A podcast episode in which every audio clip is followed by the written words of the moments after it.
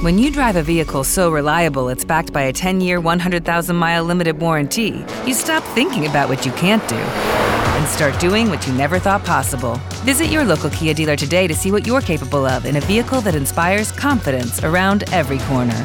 Kia, movement that inspires. Call 800 333 4KIA for details. Always drive safely. Limited inventory available. Warranties include 10 year 100,000 mile powertrain and 5 year 60,000 mile basic. Warranties are limited. See retailer for details.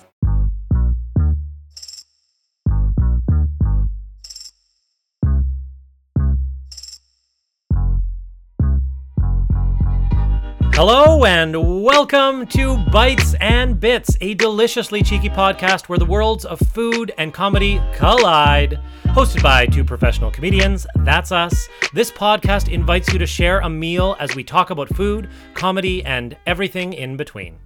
I'm Matt Malant. And I'm Hisham Kaladi.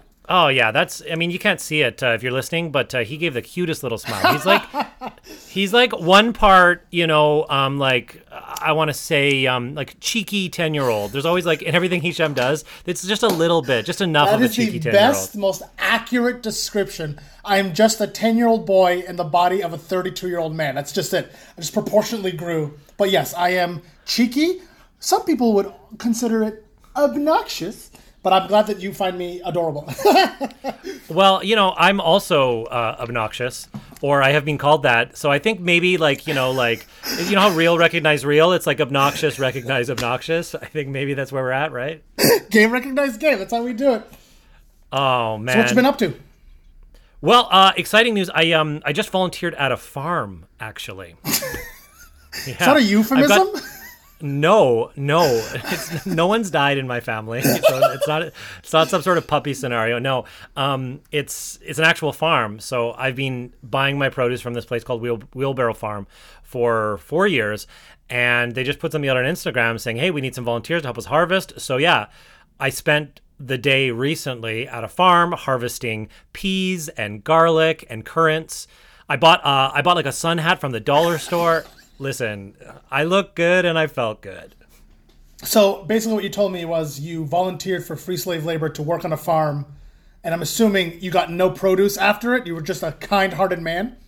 Oh no no no no! I guess technically I was paid because I brought home I brought home so many vegetables that I had to ask my downstairs neighbor to store some of them for me because I don't have enough fridge space. What It did is you lit- like I get? op- I, I got everything. I got like rainbow chard. I got like five bunches of rainbow chard. I think I got like seven heads of lettuce, some carrots, some snap peas, some dill weed, some garlic. This this weed that's edible called um uh uh uh, uh what what's it called now? Oh man, it, it's uh this edible weed that I got. I'll uh, the name will come to me later. Um, what else? Oh, I got some elderflower. You know, you know elderflower. You're always you're always putting elderflower in your food, right? Who needs seven heads of lettuce? That's just No seven heads of lettuce that rot in my fridge for a week that I throw out. Like, that's what is it? You're making a salad for giants? I have no idea.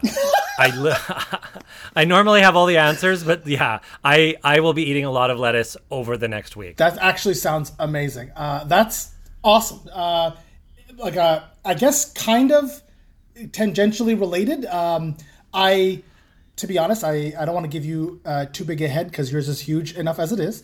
Uh, but you've true. been inspiring me uh, the last little while due to your gardening. That I actually started a little balcony garden, and so far I have onions growing. I have a single tomato and some kale, and my objective is to literally by the end of the summer, like eat a salad I made. Uh, and on top of that, a friend of mine hooked me up with some marijuana seeds. So I have a very small plant that I call Captain Kush that is growing beautifully. Uh, my objective also being to smoke a joint with the weed I grow while I eat that salad. So uh, thank you, Matt, for inspiring me. Salad on salad. I love it. Yeah, I mean the best. That's the best. I am. I'm inspired. I feel like I'm the Jedi. You're the Padawan. Like this is. This is. I knew we'd Are you get here Obi Wan eventually. and I'm Anakin? Because this will end in a, a very tragic way. Yeah, for you. I mean, my memory is like immortalized, but you. I, I Oh think my I'm God. okay with this. I have ginger beer coming out of my nose. Why did you make me laugh that hard? Ow, ow, ow, ow, ow. Oh Okay. God. well, Uh, it's not just us on the podcast day. Uh, Hisham, you want to intro our incredible guest? Oh, I it is an absolute honor. This week we are joined by I think I I'm gonna say it, my probably my favorite guest that we've had so far. He's a comedian and writer. Uh, you can see him doing stand up in Toronto or Montreal during the Just for Laughs Comedy Festival. He's also one quarter of the comedy troupe Tall Boys to Men, who have their own show, Tall Boys, on CBC, and it's been renewed for a third season. Ladies and gentlemen, get wild for the one, the only, Guled Abdi. Hey, what's going on? Somalia. Somalia. This is so good. How you doing, Gully? Good, good. I love that you haven't forgotten about our little. You shout out Somalia and me and start clapping. I forgot about Oh, that. Oh, buddy, since day one, since day one. I, I, Matt, you don't know this, but I have been telling everyone for the last five or six years that uh, Guled and I are cousins, uh, and that I'm also Somalian, which is a huge lie, and no one's doubted it. Okay, not a single person has doubted it. Well, we're so close, you know. Like the countries like are, are so close to each other. So like I've I've confused Eritreans and Ethiopians for Somalis at many points, and I'm sure like you know borders. You know what I'm saying borders is the white man thing. We before that we were Yeah, probably we one that. of the same. I, you know. I am sorry. I'm sorry. Apology accepted, Matt. Thanks, Matt. Yeah, even though you've told me it's not true, I think I still have to believe you, right? Like, I, I'm, uh, yeah, I don't want to get canceled. Your cousins. That's what you said. Let's keep going. I'm here for it. Listen, I love cousins. Cousins are great. It's all good.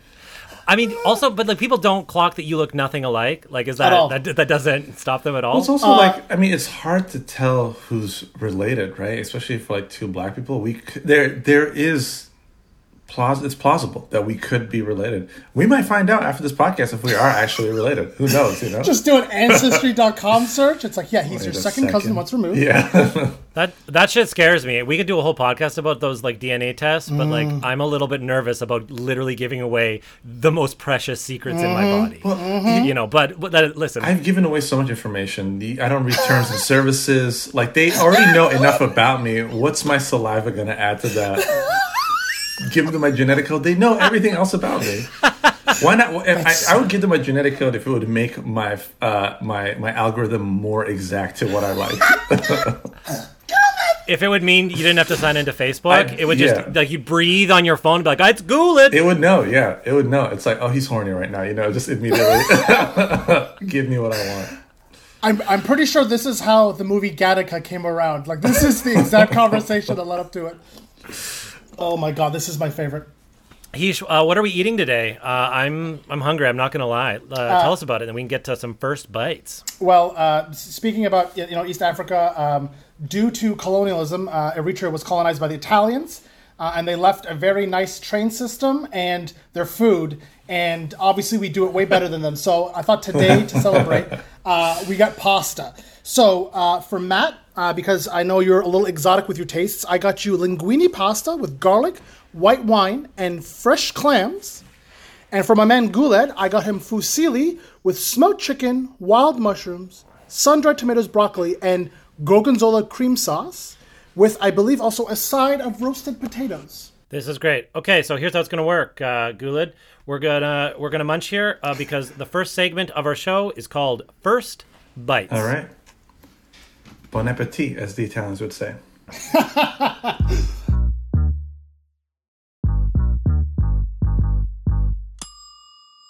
First bites. Oh man, this looks so good. I can smell the anchovies coming off of it. I love anchovies. You have no idea. Oh, this looks so good. Okay, I'm I'm gonna I'm gonna get into it. Uh, Guled, what uh, what are your taste buds saying to you? Um, it's saying uh, this is a great time. I love the. I, I forget what the white sauce was already, but it's like it's amazing. Uh, it's so creamy. Um, no need to say pause. I knew exactly what I was going for. Are you a fan of cream sauces and pasta at all? Because I know a lot of people are kind of like old school. They just want the red tomato sauce. Not a lot of cream based or cheese based sauces, but I, is that kind of up your alley at all? I, I, I fuck with that. Yeah, I love it. Like, Nice. I, yeah.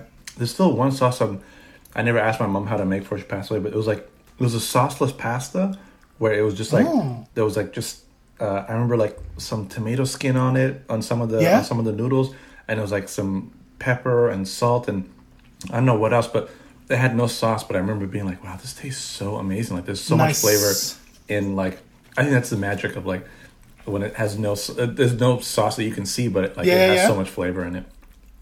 Just because you can't see it doesn't mean the sauce isn't That's there. very true. I've always said that. How about you, Matt? How, Uh, how are you liking it? it's it's so delicious. Like so many different types of salt on here. I love it. Right, little little little bit of that Parmesan cheese. Like oh, I like Parmesan. I mean, like real Parmesan is like one of the best flavors on earth, right? We can all agree on this. Like it's just delicious, right? It's umami through the roof. They, it's, it's like they take so much care. Like if you, I don't know if you've ever seen like footage of like in like the factory where they make it. It's like nuts. Really? it's nuts. It's a it's it's a craft. Like it's it's amazing. So that's there.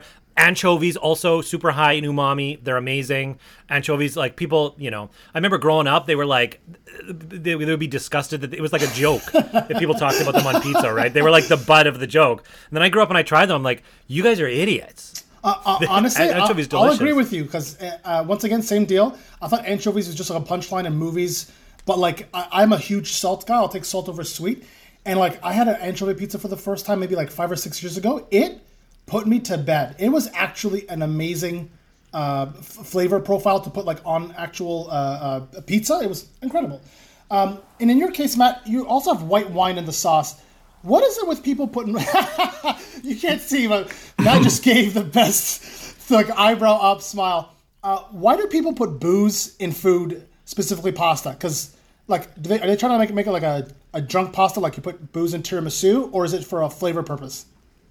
it's most of the alcohol gets cooked off not all of it but most of it gets cooked off so it's just a flavor thing so again it's just like complex flavor because wine you know anything fermented means it just like it, it's, it's got a flavor bomb and so wine has gone through like a similar process, you know, like the cheese, it gets fermented, so flavors build, and then what happens is the alcohol gets cooked off, and that flavor's there. It adds a little bit of acidity, of some of the flavors of the wine, and that balances off. Like you need that because this is super rich, right? Hmm. You've got like a lot of like, you know, there's butter in here, there's the cheese, so you need that wine to kind of cut through some of that that fattiness, and that that's why you have it, and it's delicious. I use wine in a lot of cooking, beer too, whatever, like, you know. Whenever I do one of those sober Januaries, which I usually do because you know my liver, and when I do one of those, I always cook with with wine or beer. That's like my little cheat code. I'm like, you know, I'm not I'm not drinking it for the purposes of you know, you know, getting drunk. I'm just flavoring my food with it because that's You fun. just need that taste, just a, just a little bit, just a, just on the lips, just a little bit. Just tiny. I do like it. It seems like you know a lot about like cooking because yeah, for me, I'm I'm very much like I'm very bare bones, um, utilitarian. For me, it's like I've made recipes that have bombed hard, and I just eat them anyway. It's like this is dry noodles. It was supposed to have something on it, but it tastes like nothing, and I'll just buddy. You got to. Yeah, I you got to text me next time. I love helping people through cooking traumas. You're like, is this savable? That's like one of my favorite things. yeah. I'll help you save it next time. I I, got know. you. I got you. You're- you're- you like the house for food though? Like house MD, you're coming. We've tried everything. It's like, have you tried Parmesan? It's like, oh damn, we didn't think of that. That was the first thing right away. Yeah. To diagnose this pasta dish. Yeah. There's only one man. Yeah, that's me. I'm just like I solve all your problems, but I'm a complete dick. like, I'm gonna make you feel so bad about yourself. because you also got your own traumas as well and stuff that you're carrying. That We'll find out later in, in later seasons what it is. Uh, so, Gula, today we're talking about the idea of changing tastes on the podcast a little bit. That's our theme, and so I feel like why not start in the beginning, right? Like kids have terrible tastes when it comes to food. I think we could pretty much agree. If it's not like sweet and simple and crunchy, a lot of kids they're just not eating it. Like I know I've, I I I have friends that literally only ate cereal like for every meal. That's that's all they would do. So what I'm wondering is, you know, when you were a kid, is there food that you hated that you love now, or like vice versa? Like how have your how's your food palate kind of grown or, or shrunk since you were a kid? Oh, quite a bit. Like I remember, I used to hate um, Brussels sprouts. I did not like Brussels sprouts growing up, and then I found out that apparently they weren't being cooked right. Like they were either being the kick, the the, uh, they were- the shit was being cooked out of them, um, so then they just tasted like just like these hard rubbery uh, pieces of like leaves. But uh, I've had now, like I've had several times. I've gone to restaurants and had dishes with Brussels sprouts and some like some parmesan and some like uh, bacon bits and stuff, and like it tastes amazing. Like it's such a it's such a good dish. Yeah, man. Oh, if you if you boil the shit out of Brussels sprouts, they taste awful, and that's how I had them as a kid too. Like that's I, I, I don't know. That's got to be some British thing. Like only British people would be able to like destroy something that's as beautiful as a Brussels sprout. Yeah. But yeah, man, if you if you roast it, you get these incredible flavors that come out. Right, a little crispy, Yeah. savory. Like I, I'll I'll eat Brussels sprouts instead of meat in some cases. Like they got the same flavor profile as like a really nice meat. Oh, really? If you do it right. Okay. You see, that's something I, I, I remember the first time having a vegan uh, chicken. They put in quotes, and I remember being like, "Wow, I can't really tell." Like, if I close my eyes and ate this, to me, my mouth is like you're eating chicken. You know, like I can't tell the difference. So I remember being like blown away, being like, "Oh my god, it's." Like, it, it did feel like the Matrix. And I realized like, this is all a lie. Uh, it's I don't know if I actually like chicken or if it's just the mouth feel of chicken that I enjoy more than actually the chicken. Like I'm, yeah. I was a human garbage disposal as a child, so I was never picky. If you put anything in front of me, it was gone in like a minute. So I, I we, but that being said, like my mom very much stuck to East African cuisine. So like I didn't have a Brussels sprout until like maybe seven years ago, and I was just like, this isn't all that bad. But because I've only ever seen them in movies and like kids spitting them out. Yeah, yeah. I, I grew up like I guess my palate was a little uh, not crazy expanded, but my mom didn't know how to cook Somali food. All she knew how to make was Italian food. Nice. So that's that's all we ate at home was like pastas and lasagnas and. I remember I used to love her I love zucchini sauce that she would make for pasta Yeah. and like yeah so like those are those are things I grew up eating. So for me like Italian food was the thing I grew up eating. And then now I don't like I've, I remember when uh, after she passed away I tried to make the sauces and they came out terrible most of the time sometimes good. Then eventually I was like listen I'm just wasting food at this point. I'm just going to give him this chapter of my life and uh, only And order Italian, Italian food. food since. I know, yeah. this is the first time. There's a lot of healing happening. I, I, I gotta ask, how did your mom make her lasagna? Because like same with uh, my mom, like she has a very specific recipe. It's like one of the ones that like she's passed on to my sisters, and like my sisters kind of makes like it's slightly better, and I feel like it's an, an eventual evolution of like the food getting better. But how did your mom used to make her uh, lasagnas? Uh, so I remember it's like yeah, it was like um, yeah, she loved she loved using um, uh, crushed tomatoes, uh, Nice. ground beef. Uh, I forget what you make the bechamel with, but whatever uh, flour and stuff See, like that. She'd do that. It's flour and butter. yeah, flour and butter. So Yeah, yeah, yeah, she- yeah, yeah. tho- those are those are the ingredients, and then uh, I think she had multiple cheeses, if I'm not mistaken. Nice. Yeah. That's but her, awesome. her her her marinara sauce was always like so good that like I'd eat it on just about anything, you know. Uh, every East African I talk to, uh, who whose parents make lasagna, it's always the white sauce. They always bechamel sauce. Yeah. I talk to Italians, they're confused. But every East African's like, no, no, no, I got some proper stuff. Is that is that not um is that uh, is that not authentic? The bechamel sauce is something that I, people I added? honestly, I don't think so. Uh, Every Oh. Italian restaurant I've ever been to, most of the Italian people that I ask, they're confused. They're just like, no, you just add more mozzarella. I'm like, animals. You guys don't know how to eat your Wow. own food. Get out of here. Come to, you know, Blue Nile, and they'll make you a better lasagna. You can do both. Traditionally, you can do both. I mean, the the thing about Italian food, if you'll allow me a, a slight riff, is that it's regional food, right? It's like it's it's it's food of like the provinces of Italy, right? It's not one thing, mm. right? You know, like literally, like people are so proud about their specific thing. Like up north, they got like rice dishes, and you know, and then if you're by the coast, then of course there's a lot of seafood dishes, and then you know, and then pizza, like from one section to the other. Like there's crazy like snobby societies that have come up around pizzas. You know, it's like it's nuts, but it's not just one thing, right? So you've got all of these different types of cuisines uh, throughout Italy. It's not just kind of one thing, but yeah. Then, then it came over to North America with like a lot of immigration in like the 1800s, and then in, in early 1900s, and then suddenly everyone out here in North America is like, oh yeah, Italian food's one thing: spaghetti, meatballs, pizza, boom, right? But of course, it's so much more. Yeah, no, I, I, I, it's something I forget about. Yeah, because for me, it's like, no, all Italians make it the same way. They have to, you know. There'd be chaos Yeah, like- if they didn't. literally when the the kingdom of Italy unified, there was this one dude that wrote a cookbook in an attempt to unify Italy. I forget what his name is, but I just heard about him on a podcast.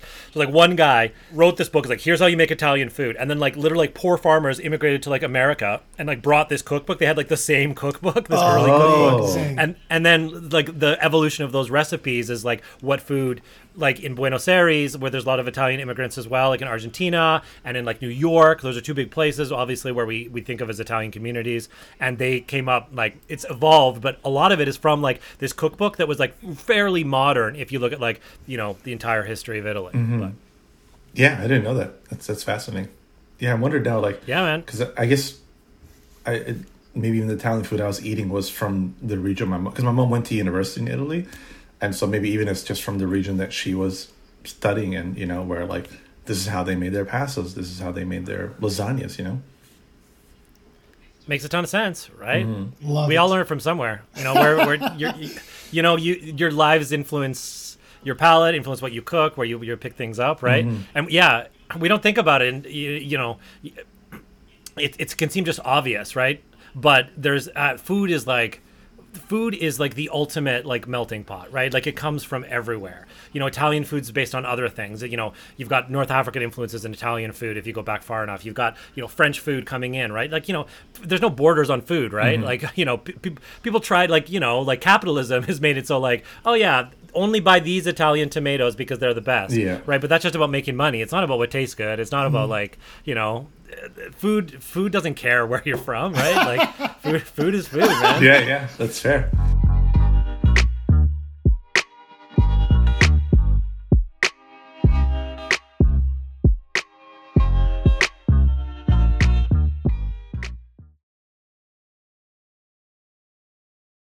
With the Lucky Land slots, you can get lucky just about anywhere. This is your captain speaking. Uh, we've got clear runway and the weather's fine, but we're just going to circle up here a while and uh, get lucky. No, no, nothing like that. It's just these cash prizes add up quick. So I suggest you sit back, keep your tray table upright, and start getting lucky. Play for free at LuckyLandSlots.com. Are you feeling lucky? No purchase necessary. Void where prohibited by law. 18 plus terms and conditions apply. See website for details. Judy was boring. Hello. Then Judy discovered ChumbaCasino.com. It's my little escape. Now Judy's the life of the party. Oh, baby, Mama's bringing home the bacon. Whoa, take it easy, Judy. The Chumba life is for everybody. So go to ChumbaCasino.com and play over 100 casino-style games. Join today and play for free for your chance to redeem some serious prizes.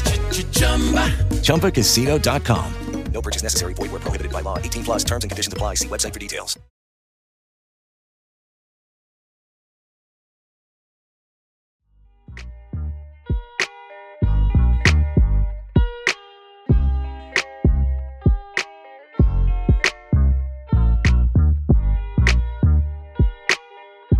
Yes, we're gonna play a little game called Is It Still Cool? As we're all aware, Guled has incredible taste.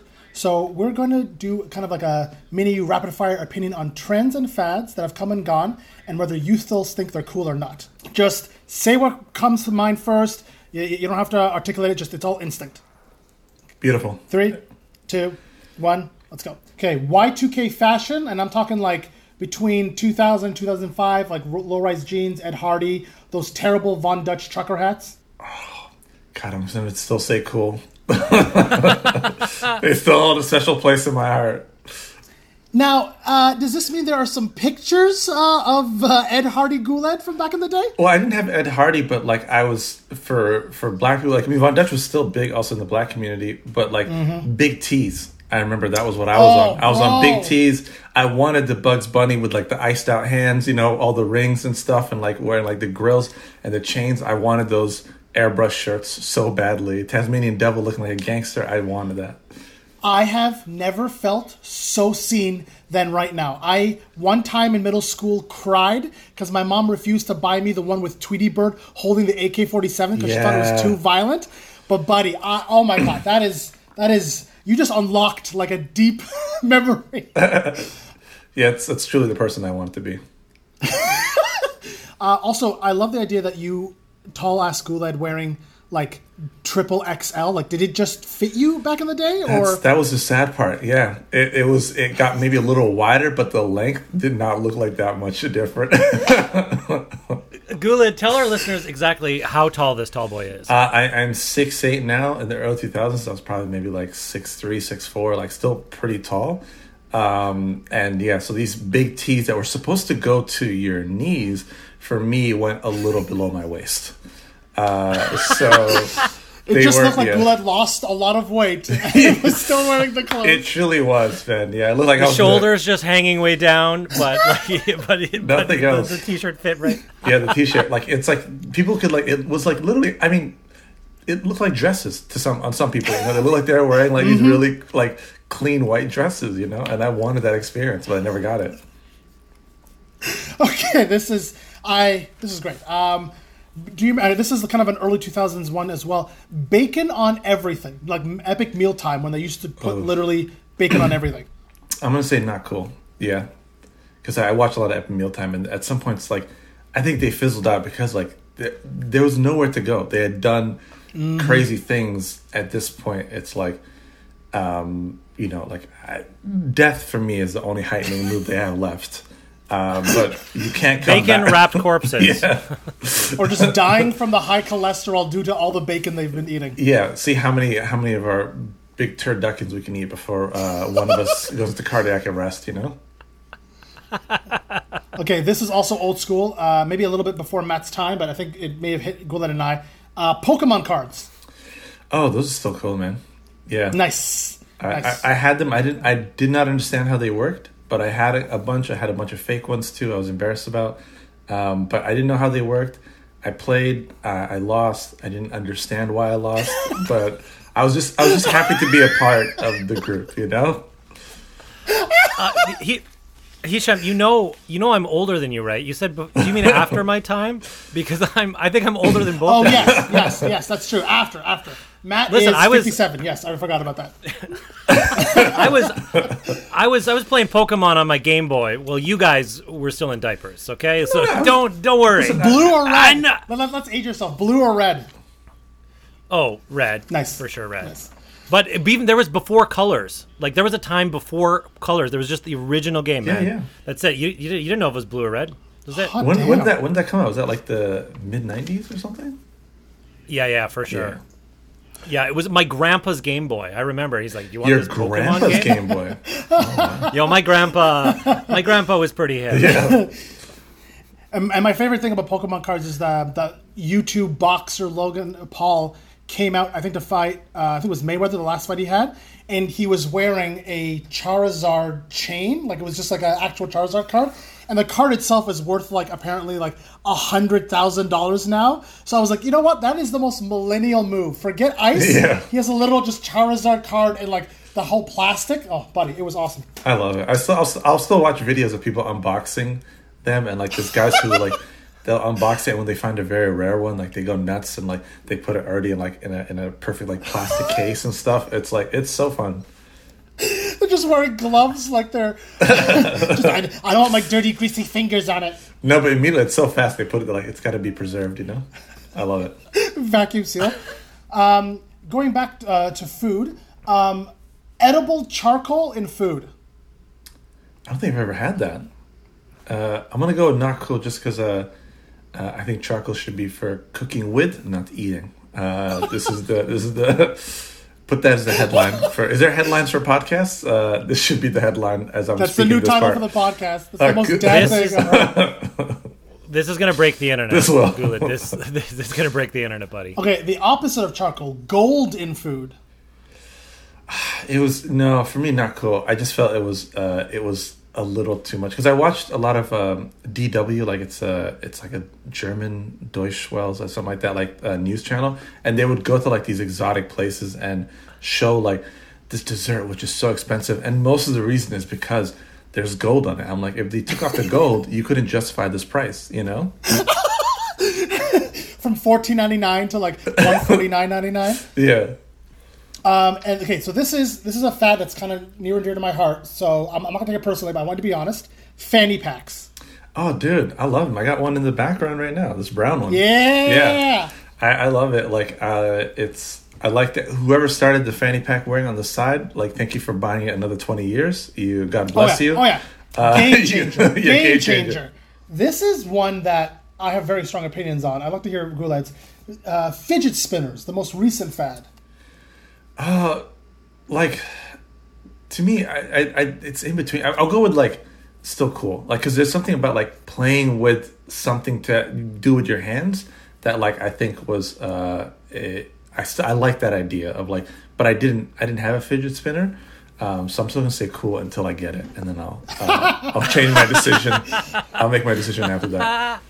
because I, I honestly I feel like fidget spinners were was like you know uh, Matt was mentioning capitalism before. Just like somebody had like an insane amount of these in like a warehouse and it's like okay someone give me a really good PR team and we're gonna sell them for two ninety nine a piece and then just you know close them out. Because I'm like it was the dumbest invention. There was no like speaking of utilitarianism there's, there's there's no practicality to this thing other than just doing this for like forty minutes and then I guess throwing it away? Like I, I don't know.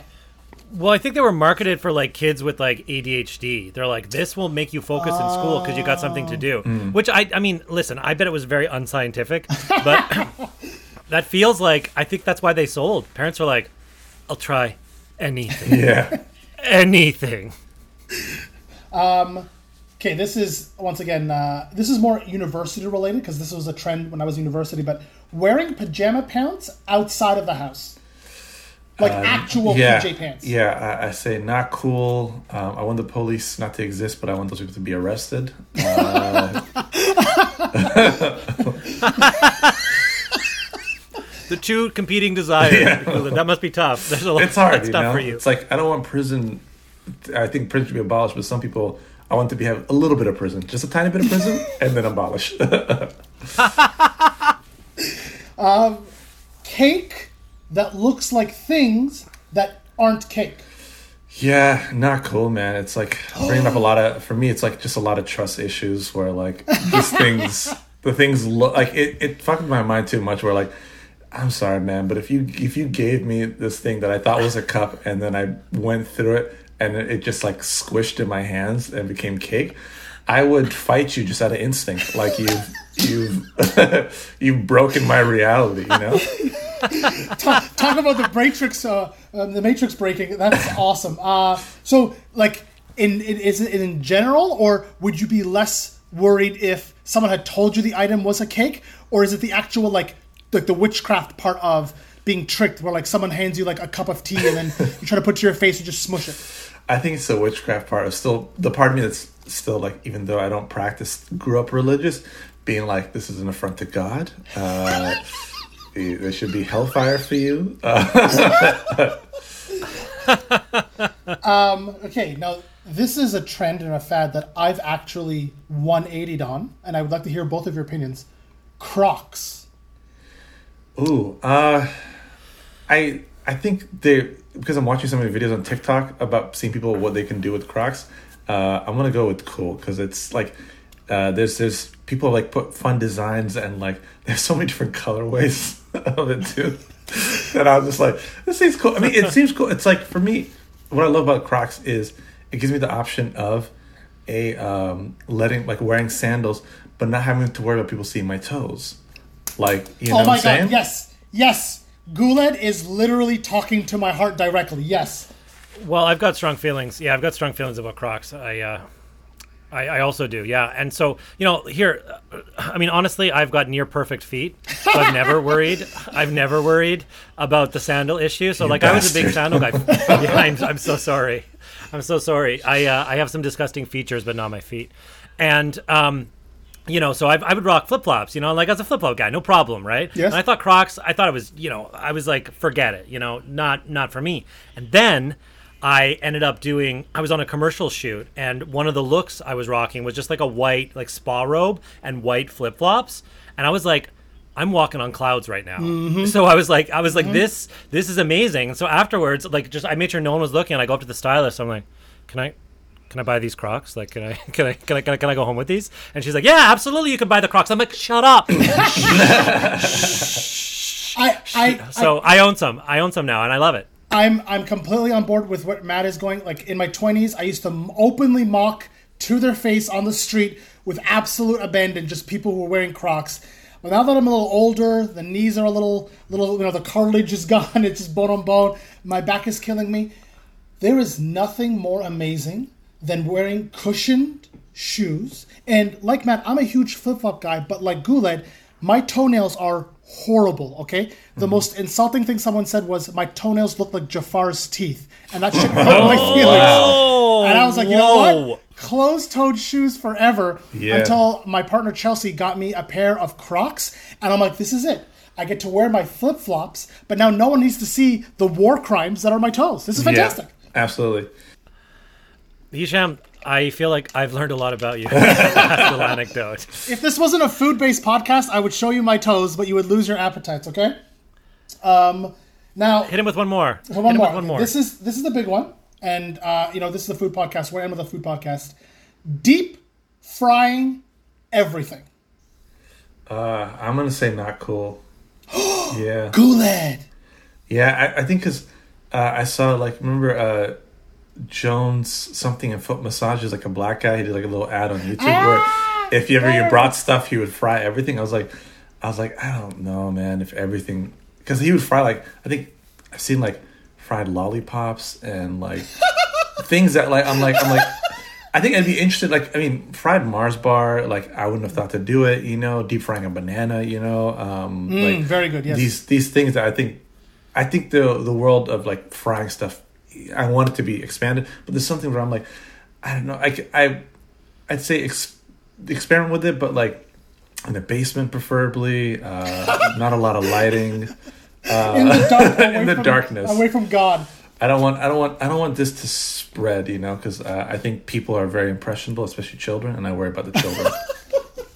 Okay, So, so, so to be clear, what you're recommending is that people deep fry in poorly ventilated basements. That's right. That's, So- that's like that's your suggestion to solve this issue. what I'm hoping is that they will they will pass out from from the fumes. the fumes. I guess.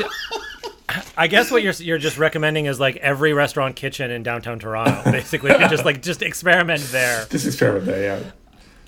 Uh, Guled, uh, thanks for playing. Is it still cool? Thank you. Thanks for playing. Is it still cool? Of course, yeah, yeah.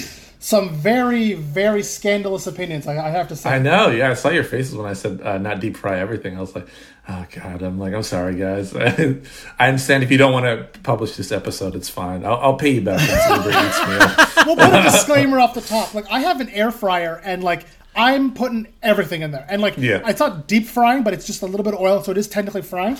But it has been a massive game changer wise, and I, I, I gotta say, Guled, I think this has put a huge dent in our friendship. I Well, air frying I- I though would is a little different than like deep frying something. Oh, now That's- he's backpedaling. No, no. Okay, now he's backpedaling. No, no, Stick but to your the- guns, the- Guled. I, I still stick to it. Like I, I do. I, I've seen some videos of air fryer. It seems very cool. I don't think I would get it because I don't like. I don't. I don't feel like I'm that interested in frying stuff. But yeah, deep frying everything is there's something about it that like uh, just doesn't sit right with me. So, Guled, I want to take you back a little bit here. Um, I, uh, I, I got this. You know, we were chatting about this episode, bringing you on. This one story uh, struck me, and it's. Uh, it was, I think it was the first time I saw you after like season one of Tall Boys had wrapped, and it was at the uh, the Fringe Beer Garden in Toronto. And I felt like it was like that moment from like She's All That, where like the glasses had come off and she's like the prom queen or whatever. And you like came in, you came in with these fresh sneakers, like this dope polo, and you just looked so good. It was like magnetic. Like I went right up to him, like, dude, you look amazing. You're like, yeah, yeah. You were you were like so cool about it. You're like, yeah, thanks, no problem. Like, but you knew it. Like, you just look good.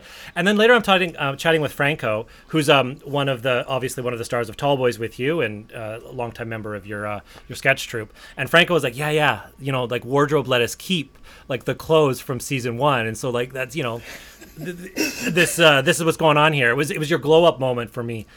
And so what I wonder, what I'm wondering is like did you think your personal style like changed after you had like a like a like a stylist working with you after tall boys or like you know or were you sort of involved in that process what, what was that like to go from you know the before and after uh, style wise I feel like it changed a little bit. Like definitely the stylist uh, uh, introduced me to like colors because for the longest time I was truly like I, I would rock I would rock like the the most plain plain clothes ever. You know, like it would just be one color. There would not be a single stripe on it, no lines, nothing. You know, just one plain color on top of another very just plain color. So I, I was going off the aesthetic of um, American Eagle, early two thousands American Eagle. Uh, Okay, okay, yeah, American fair, Eagle, fair. like uh, not American sorry, American Apparel. American Apparel. You know how they do all the like Oh. all those. It's just it was just blank, all colors. Maybe there might be some stripes in there, but it was usually just like um just like different palettes, like some bright colors, some darker colors, some earth tones. But there was no like any wild patterns on any clothing. That's so funny. So I would I, I rocked that because I remember at that time one of my friends uh, worked at American Apparel, and the big thing was so many people stole from American Apparel. Uh, at like they just would take like people would come in with empty duffel bags and leave with full duffel bags. Employees just like just take clothes and just being like being like fuck this place. I'll, I'll do it. So I remember uh, I didn't have a I didn't have a winter coat and I wanted some sweatshirts. So I asked my friend. I was like, yeah, you know, like he's like, yeah, no problem. I was like, I'll, I'll get it to you. You know, like just let me know what you want. And I jokingly said, uh, I'll take every color of sweatshirt. And then he got me every color of sweatshirt. Uh, and then I was like, I had a white a one. ride or die. I remember I had a white one that I was like got one stain on that I was like, I was like I can never rock this. Like it's just so it's too scary wearing all white, you know. but like True. the doing now the show being like, oh, like I can wear like patterns and some floral prints on it and like do different things that before uh, previous to show Guled would have been like, this is too bright, this is too much. There's a there's, there's a line on this, I don't like it. there's a, you know there's check check marks on this, I, I can't do this. Did you have any um, say, or was it kind of like a okay, Guled, this is what we've decided for your look for the sketch, or did you have a, a, a say of being like, I'm looking for like maybe like a like a flashier jacket, maybe some like dark jeans or pants, uh, the shoes, anything?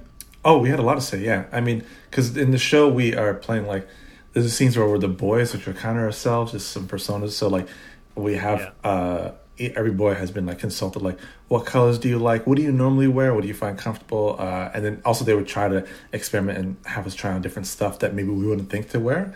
Um, So they would help us like they figure out like almost like a color palette. Like this, these are the colors that look good on Guled. This is the type of stuff he likes.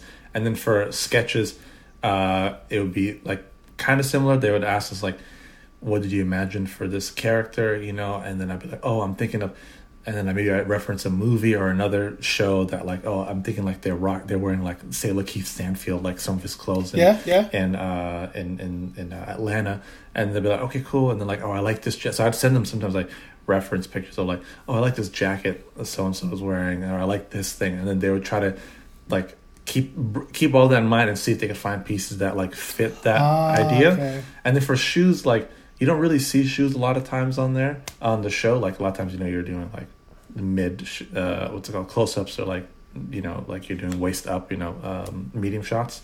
So like there aren't a lot of like, you know, you're doing like uh, covering like you know whole wide shots where you're seeing everyone's feet for that long. Mm-hmm. But um, I remember I learned from Franco. Because he would just be like, because Franco is like the sneakerhead, still is a sneakerhead. Huge sneakerhead, yeah. So Yeah, yeah. he would be like, he'd be very specific, like, oh, like he just referenced shoes that he liked, and then I saw how many different shoes and uh, that he got, and so I'd be like, but then I, I I tried to do that, and then also, then after a while, I realized I don't like sh- care about shoes all that much, uh, so. I, I there wasn't any energy behind it. I was like, "Give me that shoe or not? Like, who cares?" You know, it's like,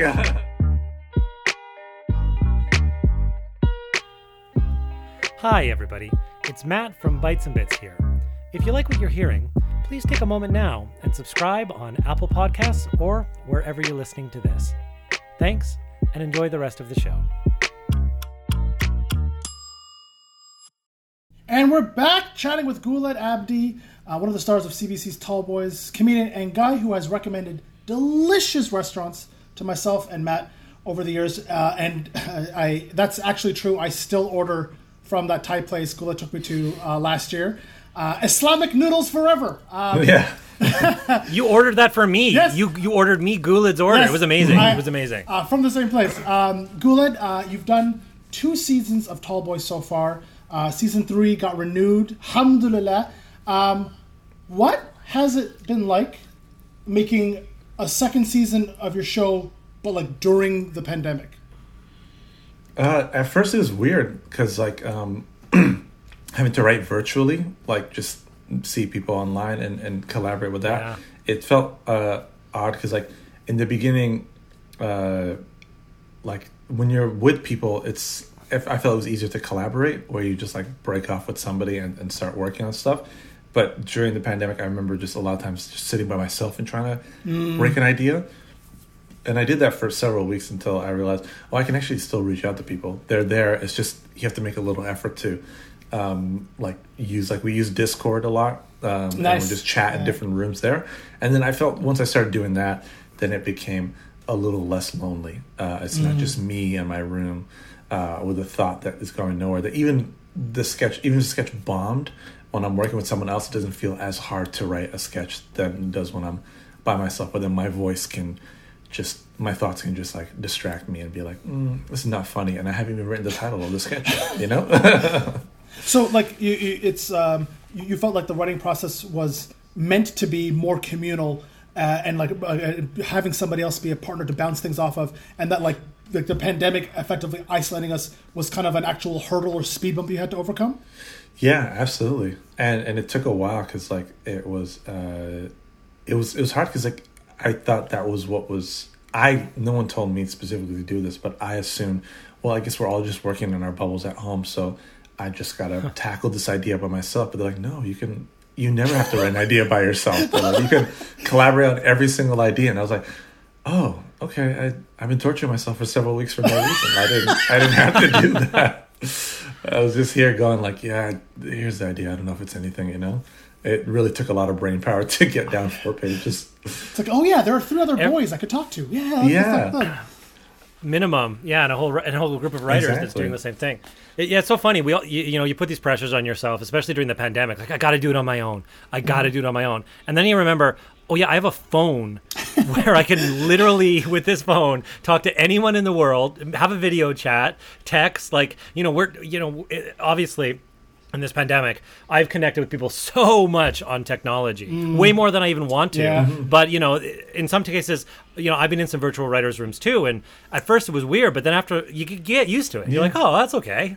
Yeah, that's okay. And it, I think the the thing I love the most about working remotely is like my bed is right next to my desk. So, uh, if, if I have a moment where I'm like, you know what, fuck it, let's take a nap, you know, and then we'll come back to this idea again. I can just take, you know, 15, 20 minute nap, wake up, and be like, all right, let's try it again, you know. Replenish those comedy juices. I get it. Yeah, let's reset. Under underrated underrated part of the writing process, the nap. Yeah. absolutely. I'm a hard napper. I nap. I nap every single day if I can. So I'm I'm with you on that one. Yeah. Uh, you said, by the way, uh, and, and naps in this this household are uh, are dramatic because uh, people say naps are only supposed to be at most max like thirty minutes. Like people put their heads down for like fifteen to twenty. Like when I nap, I'm napping for like four hours. Yeah, Is that I used, weird? No, honestly, I used to be a two-hour napper, is what I call Mm, it. okay, okay, okay. I used to, I used to do like set two hours, and then someone told me that's actually sleeping, um, and and I was like, I was initially, I was defensive. I was defensive for a while. Oh man, I don't think you, I gave it to uh. You got our producer. Our producer's right downstairs. It's also my girlfriend, and she's cackling. So no one else can hear that, but that one got her through it. So for the folks at home.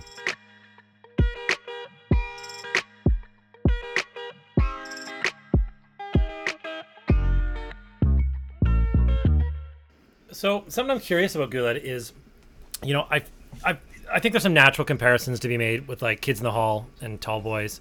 You know, uh, you look at Tall Boys as sort of the, the modern example. There's you know a couple of dudes making a very funny sketch comedy show. You're working with Bruce McCulloch. Um, you know, he's one of the original Kids in the Hall. He's directing, doing some producing. So I'm curious, how do you think that you know sketch comedy has evolved since that time like what's what's what's changed or is it a similar model and you guys are just sort of like putting in you know modern content what, what are your thoughts on that Uh, I, f- I feel it's a little bit of both, where uh, we are like comedies building on past comedy at all times. You know, like the like the references I have are based on like shows I watched growing up.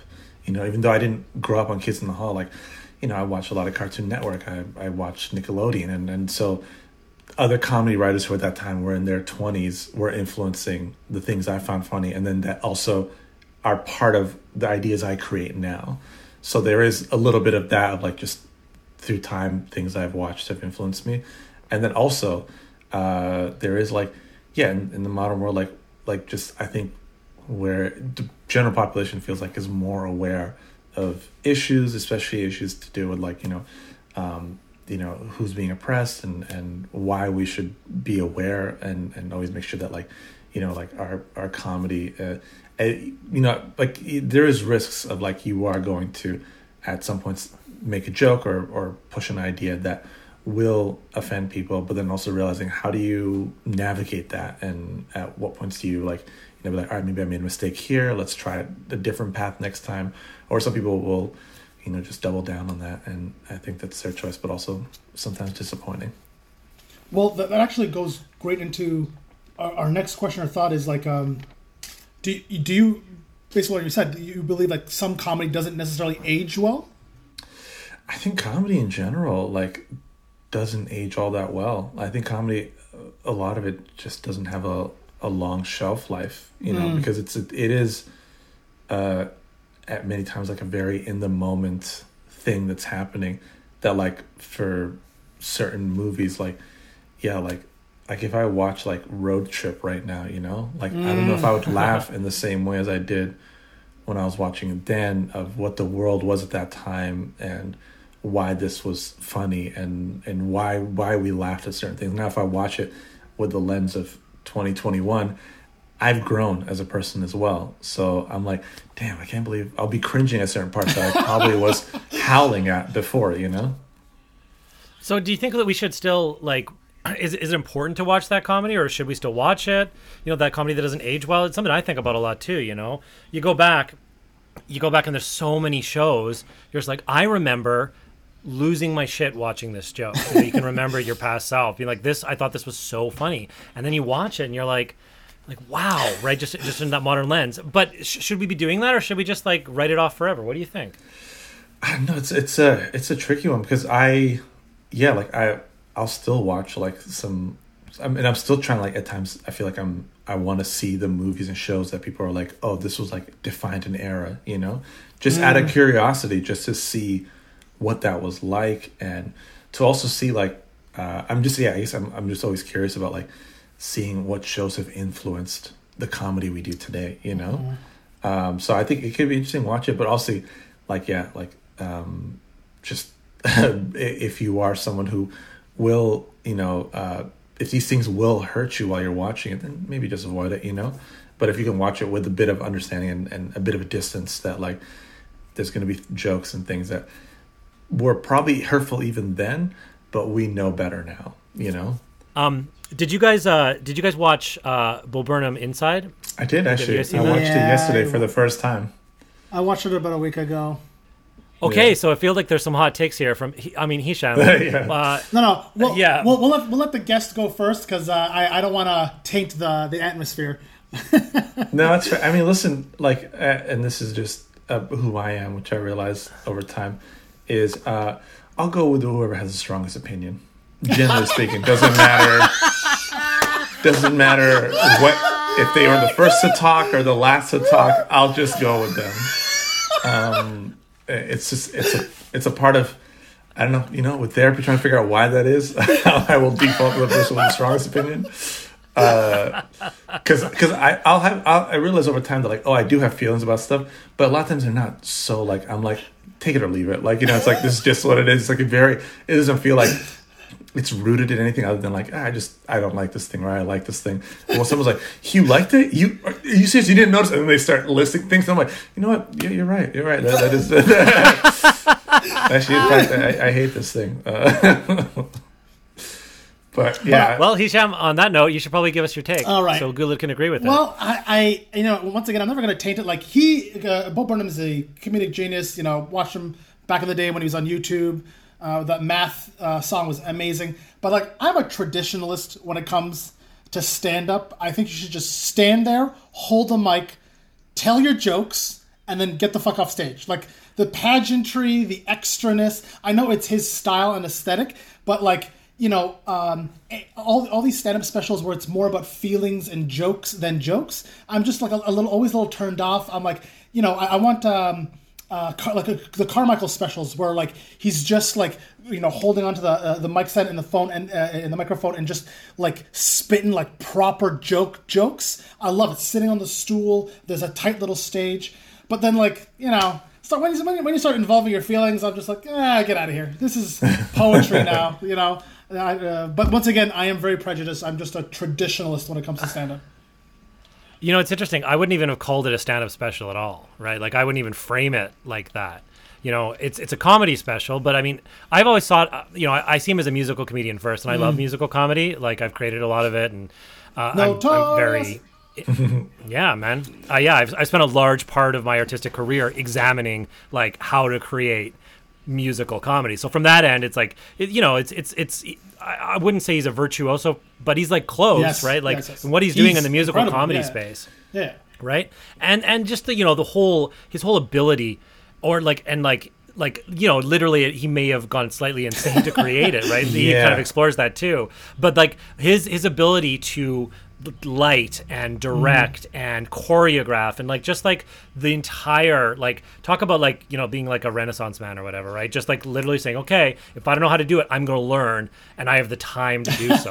You know it made me it made me feel as like an artist during the pandemic who kind of felt like well there's no live shows so i guess i'm kind of on pause uh, aside from a random you know day on set here or there you know? I was like what? Oh my this is what i could have been doing like I, Yeah. like i felt bad i'm like geez you make me feel like lazy and like out of touch artistically uh, so like I was, I think you know, I, I enjoyed it, but I was also like feeling really bad about myself as I watched it. You know, I'm like, oh, I failed somehow as an artist during the pandemic. That's interesting. 'cause, like I felt like I, I I enjoyed it. Like yeah, same thing. I would agree with you. Like for me, he's been a musical comedian, so like I I don't go to Bo Burnham for the jokes. If I want just like a front to back funny stand up special, I'll go to someone who, like yeah, like Jerrod Carmichael, who like yeah, no, Bo Burnham directed his last special as well, uh, and so I'll go to someone who like, oh they they they are more just focused on the jokes, you know. And there is like Ger- Jerrod also like the feeling as well is part of it, but Bo Burnham it's a much bigger part of like this experience, you know. Uh, so when I watched the special, I remember just feeling like, oh, this is like there's something so beautiful about this of like just the way it was shot and and the songs of capturing certain moments. There was yeah when i did see him breaking down those moments where i'm like i guess also the pandemic has changed my mind of like I don't know this idea of the, the tortured artist for me just doesn't like it. There was a time when I used to be like, "Oh, it's cool." Now I'm like, "Dude, do therapy. Just don't like." dude, Get don't some have to- We don't have to call do your this. We mom, don't. like we get don't. it. I, yeah. Totally, totally. Where I'm like, I mean, there's no. This it's like you want to get before thirty. Who said you had to? Who cares? I don't care. Like you know, like this is something you said. You know, like, I, and so and there was moments where like, like, and I do, I love and also sometimes hate this about Bo Burnham is like even in the last special as well, where like he had that song about like, oh, is this thing going on too long? Like he's aware of what he's doing, but also at the same time like, okay, I do appreciate that you calling out the thing you're doing. And then he also did- in the songs like, but then now I'm calling out, an asshole? I'm like, just make a choice, please. Like, why are you, why are you putting this on me? Like, it feels like, like, is this, what is it? I'm like, just cut something, please. Like, just go, go somewhere, you know? So those moments I was watching, I was like, this could have been shorter. This could have been way shorter. It didn't have to be an hour and a half, an hour 27. It could have been way shorter. Uh, you know, like, I, I think you could have still captured a lot of the things you wanted to in a shorter span. if if he, you just like I get it. Like I think we were he was going for documenting where he was at um in time, which I think is uh it will stand the test of time. Like as something like this, fun to like or interesting to watch, even if people don't remember the pandemic, if they're you know very young when this comes out.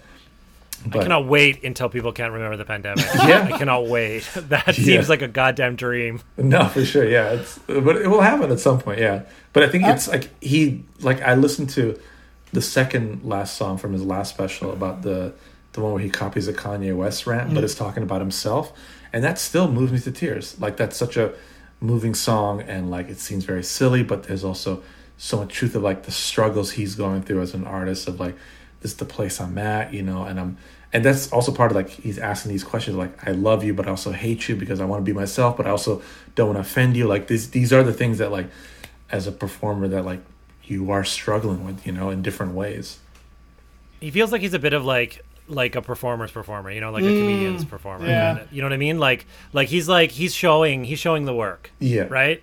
He he shows the work a little bit. And I definitely do appreciate that. but which is it also I mean this one obviously has become wildly popular. But I watched his earlier specials too, and he felt it felt like it was like mostly it was other like you know comedians that were kind of like watching it and talking about it. But this one like blew the doors open. Right now he's it feels like he's become a household name. You know mm-hmm. like top ten Netflix. Right. So it's it's interesting. It's going to be interesting to see people go back and because most people I think will have, go watch in reverse order and to see as people get to the beginning of that journey because yeah i've been there for I've you know i'm an old school fan too. Like i've been there through all the specials and youtube stuff right? And i've seen the evolution. So it's but that's a different experience than than a lot of people that are going to go backwards. And i'm i'm curious to see like you know people in, instantly they're going to make those decisions. Did it age well? Yes. or like or was it part of the larger plan you know? Yeah. Speaking of the pandemic, Guled, do you think there is going to be or has been a fundamental shift in terms of comedy post uh, uh, like COVID, like once everything opens up again? Because like I've come, this coming from an actual performer and someone who does TV, like I, I like I like to see your thoughts on that. I I think so. I think it will be in terms of like um, people have had space and time away from performing of like what people are willing to put up with to do comedy. I think is what that's what's going to change.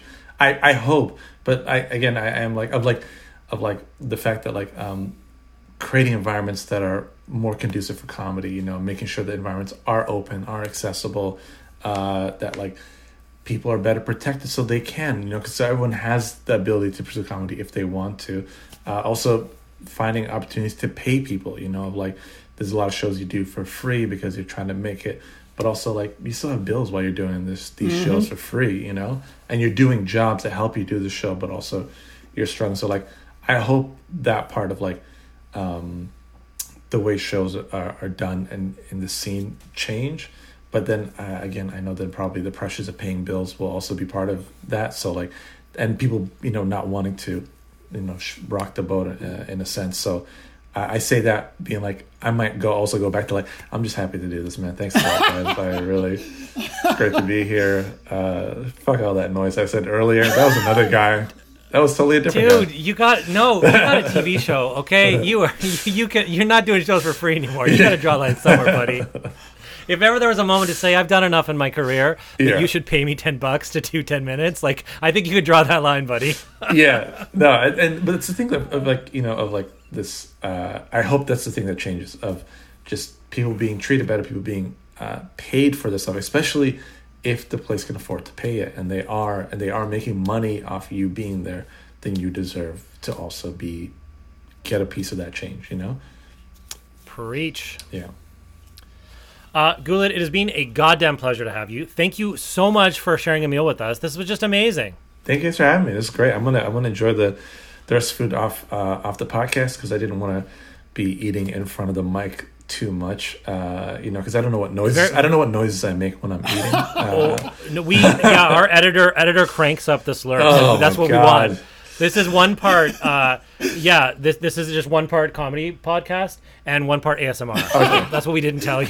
That's what we didn't tell oh you. god, I, I I knew something was up. I was like, the food is part of the podcast, but I feel like it hasn't been brought up. That's why. Um, and uh, but lastly, before you go, uh, last thing we like to ask our guests: uh, What's on your plate? Anything coming up exciting that you want to plug right now, or uh, anything on your mind? You, you want to leave us with anything? Uh, no, I mean, I mean, Tall Boy season three is gonna come out next year, you know, so look out for that. Uh, hopefully January or February. I don't know exact date. Um, what else? Uh, How can people watch uh, seasons one and two? Oh yeah, season one and two uh, on CBC Gem. If you live in uh, Canada, check it out on CBC Gem. If you don't live in Canada, VPNs are your friend. um, uh, and figure out how to get to Canada, and then watch it on CBC Gem afterwards. Um, and then outside of that, uh, yeah, I don't know, like, uh, yeah, I love you guys, and, and uh, that's that's the message I want to leave you with.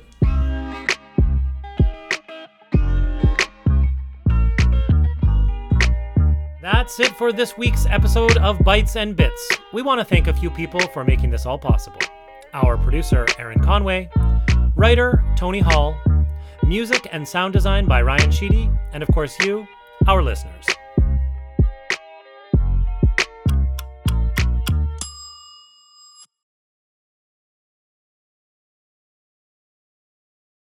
With the Lucky Land slots, you can get lucky just about anywhere. This is your captain speaking. Uh, we've got clear runway and the weather's fine, but we're just going to circle up here a while and uh, get lucky. No, no, nothing like that. It's just these cash prizes add up quick. So I suggest you sit back, keep your tray table upright, and start getting lucky. Play for free at LuckyLandSlots.com. Are you feeling lucky? No purchase necessary. Void where prohibited by law. 18 plus terms and conditions apply. See website for details.